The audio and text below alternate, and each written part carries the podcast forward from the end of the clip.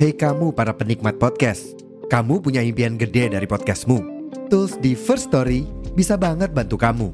Mulai dari F-Link, Dynamic Audio Insertion, sampai statistik yang komprehensif, semua ada di First Story. Gak ketinggalan, kamu bisa monetisasi podcastmu lewat iklan dari First Story Ads yang bisa kasih kamu penghasilan dari setiap place podcastmu. Yuk gabung sekarang dengan klik di firststory.me. Sekali lagi, di firststory.me. Mari kita bawa mimpi podcastingmu menjadi kenyataan.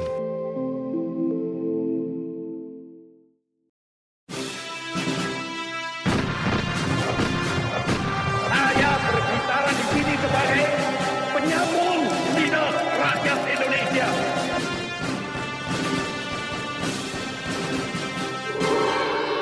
Hai, terima kasih sudah memilih mendengarkan kami, Poseidon, podcast yang bikin kalian gagal move on. Halo, selamat datang di konten paling random podcast dari Indonesia di luar kelas. Tempatnya sedang tidak jelas bersama saya Eka Arkananta. Liburan atau wisata harusnya jadi momen bahagia ya. Jadi momen kita akhirnya tuh bisa melepaskan penat kehidupan dan menciptakan kenangan entah sendiri, entah sama temen, entah sama pasangan atau sama keluarga. Sayangnya hal ini nggak terjadi ya di sebuah tempat wisata di Banyumas pada Rabu 25 Oktober kemarin. Beritanya udah rame ya. Konstruksi jembatan yang buruk ini tuh akhirnya pecah dan sampai menimbulkan korban jiwa di sana. Dari awal tuh saya juga nggak suka ya konsep-konsep aneh kayak gini ya. Karena kalau di sini tempat wisata dan keamanan tuh kayak nggak pernah nyambung jadi satu kalimat yang bener gitu. Rata-ratanya buruk, rata-ratanya serampangan. Banyak banget yang serampangan, bukan sekali dua kali saya ketemu yang membahayakan seperti itu. Dan nggak bakal berhenti sampai sini kayaknya korbannya. Ngomong-ngomong soal tempat wisata, tahukah kalian kalau tujuh keajaiban dunia ini tuh sebenarnya dibuat sebagai list tempat wisata? Iya, daftar yang isinya berbagai bangunan yang jadi contoh pencapaian umat manusia ini awalnya tuh merupakan daftar tempat-tempat luar biasa yang patut dikunjungi sama penjelajah di zaman dahulu. Terus gimana sejarahnya? Kenapa cuma ada tujuh jumlahnya? Dan kira-kira bangunan apa aja yang dapat gelar ini untuk pertama kali? Mari kita bahas dari awal. Episode ini agak beda dari episode di luar kelas yang biasanya ya. Karena kali ini kita nggak akan cuma bahas satu topik, tapi ada delapan ya kalau kita juga ngitung sejarah penggunaan nama ini. Terus juga ada sejarah singkat tujuh bangunan eh, yang dapat gelar ini untuk pertama kali ya, secara singkat masing-masing. Jadi mungkin agak panjang ya episode kali ini. Oke, karena itu kita nggak usah berlama-lama lagi. Mari kita mulai dari yang paling awal ya. Dari mana istilah tujuh keajaiban ini berasal dan gimana sejarahnya? Alexander the Great atau Alexander Agung ini tuh sangat terkenal dengan penaklukannya pada abad keempat sebelum masehi ya. Yang berhasil dia lakukan saat itu bisa dibilang adalah hal yang sangat mustahil dilakukan sebelumnya, yaitu menyatukan berbagai peradaban dunia yang diketahui saat itu ke dalam satu kekaisaran yang besar. Hal ini kemudian membuka jalan ya buat para petualang Helenistik ini tuh untuk akhirnya bisa menjelajah ke wilayah-wilayah baru dan melihat berbagai hal baru yang mereka tidak pernah tahu sebelumnya. Banyak dari mereka ini tuh yang kemudian juga menuliskan tentang kisah perjalanan mereka ini. Menuliskan berbagai tempat yang menakjubkan, bangunan-bangunan yang bikin mereka terkesan, sekaligus membangkitkan niat-niat orang ya untuk akhirnya berkunjung ke berbagai tempat tadi. Daftar tempat-tempat tadi kemudian lama-lama ini mengerucut menjadi sekitar tujuh objek utama yang wajib dikunjungi. Philo of Byzantium dari Yunani ini tuh merupakan salah satu penjelajah yang menulis kisahnya ya, dengan judul Tujuh Keajaiban Dunia. Sebuah nama yang akhirnya kita pakai sampai sekarang. Tapi karena nama ini masih kita pakai sampai era modern, tentu saja sangat banyak bangunan ya yang selama ini tuh keluar masuk dari daftar ini. Oleh karena itu, tujuh bangunan pertama atau tujuh bangunan yang original ya, yang OG, ini tuh kemudian kita kenal dengan nama yang lain. Nama yang menggambarkan era dan usia mereka, yaitu tujuh keajaiban dunia kuno. Dan untuk daftar kali ini, mari kita bahas dari yang paling muda usianya sampai ke yang paling tua. Biar gampang kalau kalian juga mau inget-inget. Yang pertama sekaligus bangunan yang paling muda adalah Lighthouse of Alexandria atau mercusuar Alexandria ya, yang sesuai namanya jelas ada di kota Alexandria. Sebuah kota yang ada di wilayah utaranya Mesir sekarang. Mercusuar ini juga punya nama lain yaitu Faros ya, yang diambil dari nama pulau kecil di mana mercusuar ini tuh berdiri. Bangunan ini didirikan sebagai penghormatan buat Alexander the Great ya, yang juga mendirikan kota Alexandria ini. Pembangunannya diprakarsai sama Fir'aun Ptolemy I, yang juga merupakan bekas jenderalnya Alexander the Great ini. Jadi kan setelah Alexander the Great melakukan penaklukannya, dia tuh nggak hidup cukup lama ya, dia meninggal mati muda. Dan wilayahnya ini kemudian dibagi ke tujuh orang anak buahnya gitu, ke bawahannya. Salah satunya kemudian adalah Ptolemy I ini yang mendapat wilayah Mesir dan dia akhirnya mengambil gelar raja lokal di sana ya, yaitu Fir'aun. Lengkapnya silahkan dengarkan episodenya Cleopatra ya. Di luar kelas sudah pernah bahas itu kalau ingin uh, tahu tentang sejarahnya dinasti Ptolemy ya, karena Cleopatra ini tuh merupakan keturunannya Ptolemy I ini. Pembangunan mercusuar ini ternyata cukup lama dan akhirnya tuh baru selesai saat uh, pemerintahan anaknya ya Ptolemy kedua pada 246 sebelum Masehi. Bangunan ini dibuat dari granit dan juga dari batu kapur ya. Tinggi bangunan ini juga cukup bervariasi ya karena beberapa kali memang sempat direnovasi sempat rusak beberapa kali karena gempa. Estimasi tertingginya itu ada di sekitar angka 160 meter dengan bentuk yang terbagi dari tiga bagian ya. Dasar yang berbentuk persegi, kemudian bagian kedua yang berbentuk oktagon atau segi delapan, kemudian di menara puncak yang berbentuk lingkaran. Sayangnya karena beberapa kali kena gempa juga, lama-lama bangunan itu rusak parah ya dan akhirnya tuh nggak bisa diperbaikin sama sekali.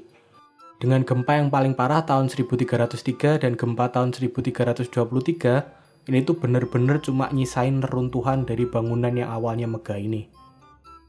Tahun 1480 mercusuar ini tuh akhirnya bener-bener hilang ya. Setelah Sultan Mesir kala itu, Sultan Khaitbay, ini tuh membangun sebuah benteng di atas pondasi bekas mercusuar ini. Dan kemudian menggunakan sisa-sisa batu reruntuhan ini tuh untuk jadi bahan bangunan. Selama mercusuar ini berdiri, dia merupakan salah satu bangunan tertinggi di dunia saat itu ya, yang cuma dikalahin sama satu bangunan lain, bangunan yang juga dari Mesir dan juga ada di daftar ini. Lanjut ke urutan kedua ada Colossus of Rhodes. Adalah sebuah patung raksasa ya yang terletak di kota Rhodes, sebuah pulau yang ada di wilayah laut Aegea Yunani.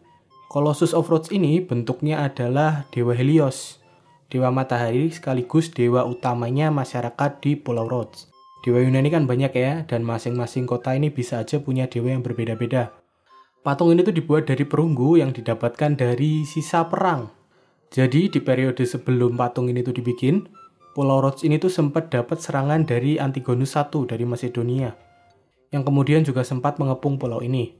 Sebelum akhirnya mereka akhirnya dapat diusir setelah Rhodes ini tuh dapat bantuan dari pasukan Mesir Perunggu yang dipakai untuk patung ini merupakan hasil peleburan dari sisa-sisa senjata dan sisa-sisa alat-alat perang yang ditinggalkan sama pasukan tadi. Jadi nggak cuma jadi simbol kemenangan ya, patung ini literally dibuat dengan hasil kemenangan mereka, dengan sisa-sisa alat perang musuhnya. Tingginya sekitar 72 kubit atau 33 meter. Bikin Colossus of Rhodes ini tuh adalah patung yang paling tinggi ya, di antara peradaban dunia kuno yang lain. Sayangnya patung ini nggak berdiri lama, cuma dari tahun 280 sampai tahun 226 sebelum masehi, atau cuma sekitar 54 tahun. Sebelum akhirnya patung ini tuh runtuh ya akibat gempa besar yang melanda wilayah Laut Mediterania. Dan kalau kalian coba nyari gambarnya Colossus of Rhodes, yang banyak muncul kebanyakan adalah penggambaran yang memperlihatkan patung ini tuh berdiri dengan pose yang cukup aneh ya yaitu ngangkangin pelabuhan. Kenyataannya patung ini tuh bisa dipastikan nggak punya bentuk yang kayak gitu ya sebenarnya.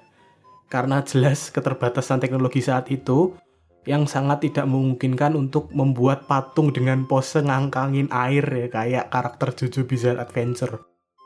Hal itu jelas karena patung ini tuh berat sekali dan pasti perlu dasar yang kokoh dan stabil. Sesuatu yang cuma bisa didapatkan dengan pose patung yang cukup kaku penggambaran patung yang ngangkang ini tuh kemungkinan besar cuma misinterpretasi atau kesalahan artian dari sebuah puisi yang menggambarkan kemegahan patung ini. Jadi baitnya puisi itu kalau diartiin memang ada yang isinya uh, di atas lautan dan di atas daratan gitu. Yang kemudian sama seniman-seniman di era setelahnya ini tuh disalahartikan sebagai Colossus of Rhodes ini tuh jadi pintu masuknya pelabuhan dengan daratan di bawah kakinya dan lautan di bawah selangkangannya. Sebuah cara berpikir yang cukup aneh. Bangunan yang ketiga adalah Mausoleum of Halicarnassus sebuah bangunan makam atau kuburan miliknya Raja Mausolus ya dari Karya. Sebuah kerajaan Yunani yang letaknya itu ada di daerah Bodrum ya, negara Turki sekarang. Dibangun mulai tahun 353 sebelum Masehi dan selesai pada 350 sebelum Masehi. Sesuai perintah saudari perempuan sekaligus istrinya ya, yaitu Artemisia kedua. Ya kalian nggak salah dengar memang pasangan suami istri ini juga merupakan kakak adik. Raja Mausolus ini bisa dibilang adalah seorang pemimpin yang cukup sukses sebenarnya. Karena selama pemerintahannya dia tuh e, melakukan ekspansi wilayah serta menyebarkan pengaruh budaya Yunani ke wilayah-wilayah yang sekarang tuh jadi negara Turki. Jadi wajar kalau kerajaan ini tuh cukup kaya ya untuk membangun sebuah kompleks pemakaman yang cukup mewah. Bangunan ini berbentuk dasar segi empat dengan tinggi sekitar 45 meter yang di semua sisinya itu dipenuhi sekitar 400 patung serta dihiasi oleh berbagai relief peperangan. Di bagian puncaknya terdapat sebuah patung perunggu utama yang berbentuk kereta kuda perang yang dikendarai sama Mausolus dan istrinya ya, Artemisia II. Seperti bangunan Yunani pada umumnya, Mausoleum of Halicarnassus ini tuh juga dibangun dengan bahan dasar marmer. Jadi silahkan bayangkan sendiri harganya. Kalau mau bikin kuburan yang semewah ini silahkan ya. Kalau mau nyoba silahkan nyamain. Museum ini tuh berdiri cukup lama, sampai sekitar 16 abad. Uh, dan walaupun mampu bertahan dari berbagai serangan, dari peperangan, dan dari berbagai kerusuhan yang meluluh lantahkan kota di sekitarnya, sayangnya bangunan kuburan ini tuh tetap bukan saingan ya sama kekuatan alam. Dan akhirnya lama-lama juga hancur menyisakan reruntuhannya setelah terkena beberapa kali gempa. Reruntuhan sisa mausoleum ini di kemudian hari itu digunakan untuk uh, memperkuat benteng Bodrum ya. Dan kemudian patung dan relief yang tersisa ini tuh juga sempat dipajang di sana sebelum akhirnya tuh diminta sama Inggris ya buat dipajang di British Museum yang sampai sekarang bisa kita lihat ya bersama dengan berbagai barang rampasan Inggris lainnya. Selanjutnya adalah patung Zeus di Olympia. Siapa yang nggak tahu Zeus ya?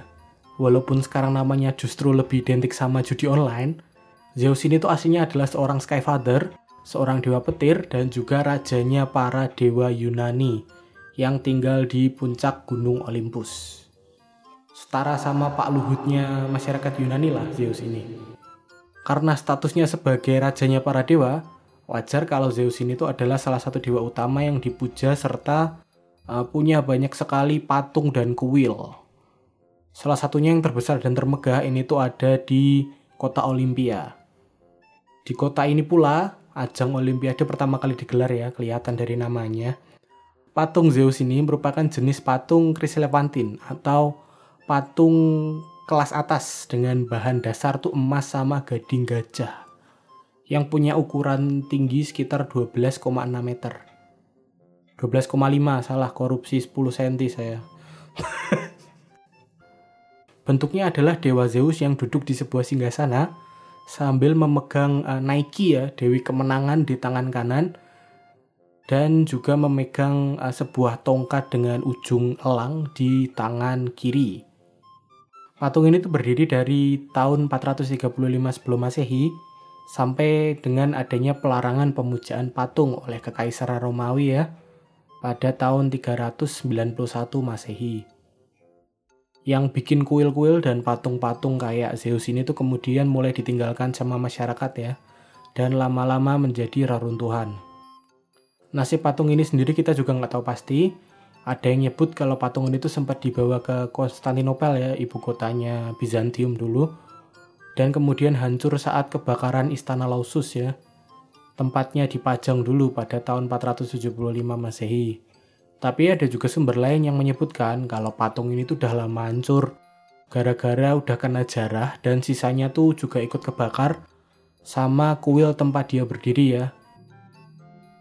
Pastinya kita nggak tahu ya, yang jelas udah hilang patung aslinya ini. Tapi sampai sekarang kita masih bisa ngelihat banyak imitasinya yang dibuat sama seniman-seniman Romawi ya. Mungkin karena saking bagusnya patung ini, makanya sampai ditiru berkali-kali. Kelima, ada kuil Dewi Artemis yang terletak di Ephesus ya, sekarang jadi bagian negara Turki. Kuil ini tuh merupakan satu-satunya di antara tujuh keajaiban dunia lainnya yang pernah dibangun lebih dari sekali, bahkan sampai tiga kali. Kuil yang pertama ini tuh dibangun di periode akhir abad ke-8 sebelum masehi. Sebuah kuil yang dibuat untuk penghormatan bangsa Amazon ya. Bangsanya Wonder Woman kalau di komik.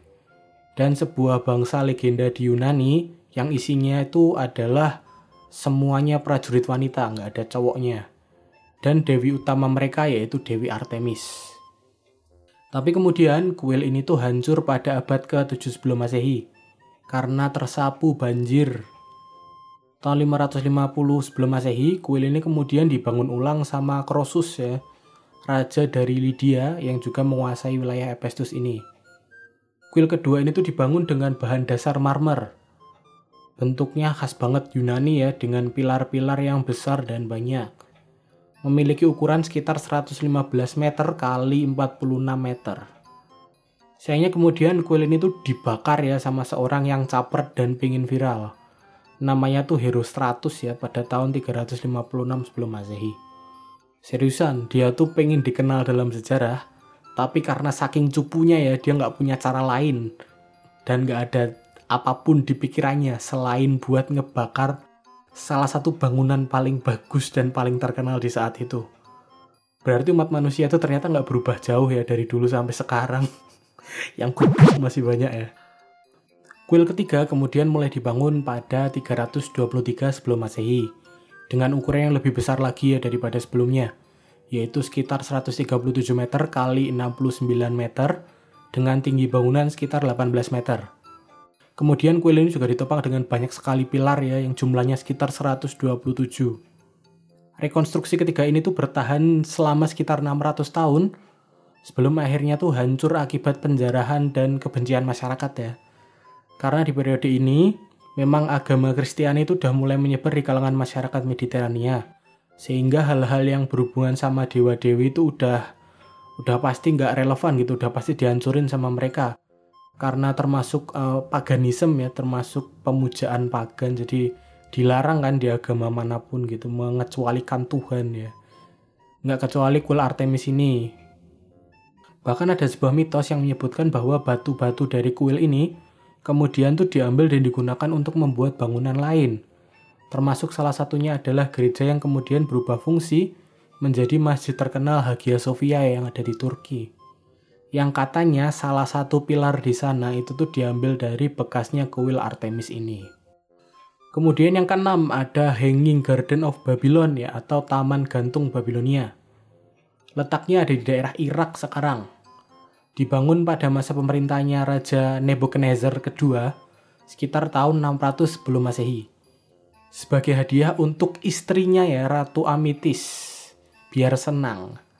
Jadi Raja Nebuchadnezzar ini tuh sebelumnya sukses menaklukkan wilayah Media ya, wilayah yang ada di utaranya Babylon. Terus memperistri Ratu Amitis yang merupakan putri dari kerajaan Media ini. Tapi setelah balik ke ibu kotanya Babylon, ternyata Ratu Amitis ini tuh sedih karena Babylon tuh gersang, nggak kayak rumah dia dulu. Media memang sebuah kerajaan yang ada di wilayah daerah pegunungan ya, yang jelas punya lebih banyak vegetasi daripada Babylon yang terletak uh, lebih ke dataran rendah ya. Akhirnya demi membahagiakan istrinya, Raja Nebuchadnezzar ini tuh memerintahkan pembangunan sebuah struktur raksasa ya, yang nantinya akan dihiasi oleh berbagai macam jenis tanaman. Berdirilah Hanging Garden of Babylon ini dengan bentuk yang kayak punden berundak yang di tiap tingkatnya atau di tiap terasnya ini tuh dihiasi oleh berbagai macam tanaman mulai dari pepohonan yang rindang, kemudian berbagai jenis bunga, sampai berbagai tanaman-tanaman rumputan dan tanaman-tanaman jalar. Sesuai dengan namanya, bangunan ini merupakan taman yang bertingkat-tingkat ya, yang ada di tengah ibu kota Babylon yang cukup gersang. Dan fakta menarik lainnya adalah bangunan ini mungkin aja nggak nyata. Sampai sekarang masih banyak ahli itu yang mempertanyakan keberadaan bangunan ini karena kurangnya bukti dari dalam kerajaan Babylon ini sendiri. Deskripsi taman gantung ini justru munculnya tuh dari berbagai sumber dari luarnya Babylon ya rata-rata dari para penulis Yunani yang bercerita tentang kunjungan mereka ke sana. Tapi pastinya kita juga nggak tahu ya karena bangunan ini tuh letaknya di mana, hancurnya kapan, dan karena apa aja kita juga nggak tahu sampai sekarang. Oke, yang paling terakhir, yang paling terkenal sekaligus satu-satunya yang masih berdiri sampai sekarang. Apalagi kalau bukan The Great Pyramid of Giza ya. Bangunan yang merupakan kuburan dari Firaun Khufu dari dinasti keempat ini dibangun pada sekitar 2570 sebelum Masehi. Yang artinya adalah usianya udah lebih dari 4 milenia. Hal yang sangat menakjubkan ya kalau dilihat bahwa di antara yang lain justru yang tertua yang masih bisa kita lihat dan masih bisa kita kunjungi sampai sekarang. Wajar sih sampai banyak orang yang nggak percaya kalau piramid itu dibangun sama manusia ya katanya harus dibantuin alien lah, dibikinin alien lah. Tapi di sisi lain, hal ini tuh justru membuktikan ya kalau betapa hebatnya pencapaian seni dan teknologi pembangunannya masyarakat Mesir kuno ini. Kayaknya kuli Jawa masih perlu belajar sangat banyak ya dari kuli-kuli Mesir kuno ini. Dan mungkin banyak kalian juga yang udah tahu kalau piramid itu aslinya bentuknya nggak kayak gitu. Maksudnya di sini adalah penampilan aslinya piramid itu tuh bukan kayak yang kita lihat sekarang ya. Yang cuma kayak batu-batu ditumpuk kayak gitu. Piramid itu aslinya punya lapisan luar yang terbuat dari limestone atau dari batu gamping ya, batu kapur yang putih itu. Jadi aslinya warnanya putih dan juga permukaannya halus. Nggak kelihatan kayak anak tangga ya, kalau yang sekarang kan kayak anak tangga gitu tapi kemudian selama ribuan tahun piramid ini tuh berdiri, batu-batu ini tuh juga lama-lama hilang ya. Habis gitu, nggak tahu di maling, nggak tahu di mana, pokoknya hilang lah ya. Hal yang sama juga terjadi sama puncaknya piramid. Yang aslinya tuh punya capstone ya, atau punya tutup gitu, kayak ada tutup di atasnya. Uh, mirip sama kayak daun pisang yang di atasnya tumpeng tuh loh, yang nutupin atasnya. Cuma beda bangun dasar ya, itu kan bulat ya, lo piramid kan kotak ya udah tahu sendirilah kalian ya. Puncaknya piramid ini tuh dibikin dari campuran logam yang namanya elektrum yang terbuat dari campuran perak dan emas. Tapi seperti kita tahu sendiri bagian ini kemudian hilang ya kita nggak bisa lihat lagi. Kemungkinan besar seperti isinya piramid yang lainnya kalau nggak dicuri ya dijarah. Oke, itu tadi ya tentang tujuh keajaiban dunia kuno. Episode yang cukup panjang ya. Nggak apa-apa sekali-kali. Gimana menurut kalian? Apakah ada yang menarik perhatian kalian? Dan kalaupun masih ada, apakah kalian akan berminat untuk mengunjungi salah satu dari mereka? Silahkan tulis di bawah pendapat kalian di kolom Q&A atau kolom komentar, sesuai dengan platform tempat kalian mendengarkan ya. Terima kasih udah dengerin sampai habis. Kalau punya kritik, saran, atau punya ide bahasan, silahkan dikirim ke Instagramnya Poseidon di @podcast underscore Indonesia atau ke Instagram pribadi saya di @rotikecap. Jika ada kesalahan, saya mohon maaf sebesar-besarnya. Saya Ega Rekananta pamit. Sampai bertemu di konten Poseidon lainnya. Bye-bye.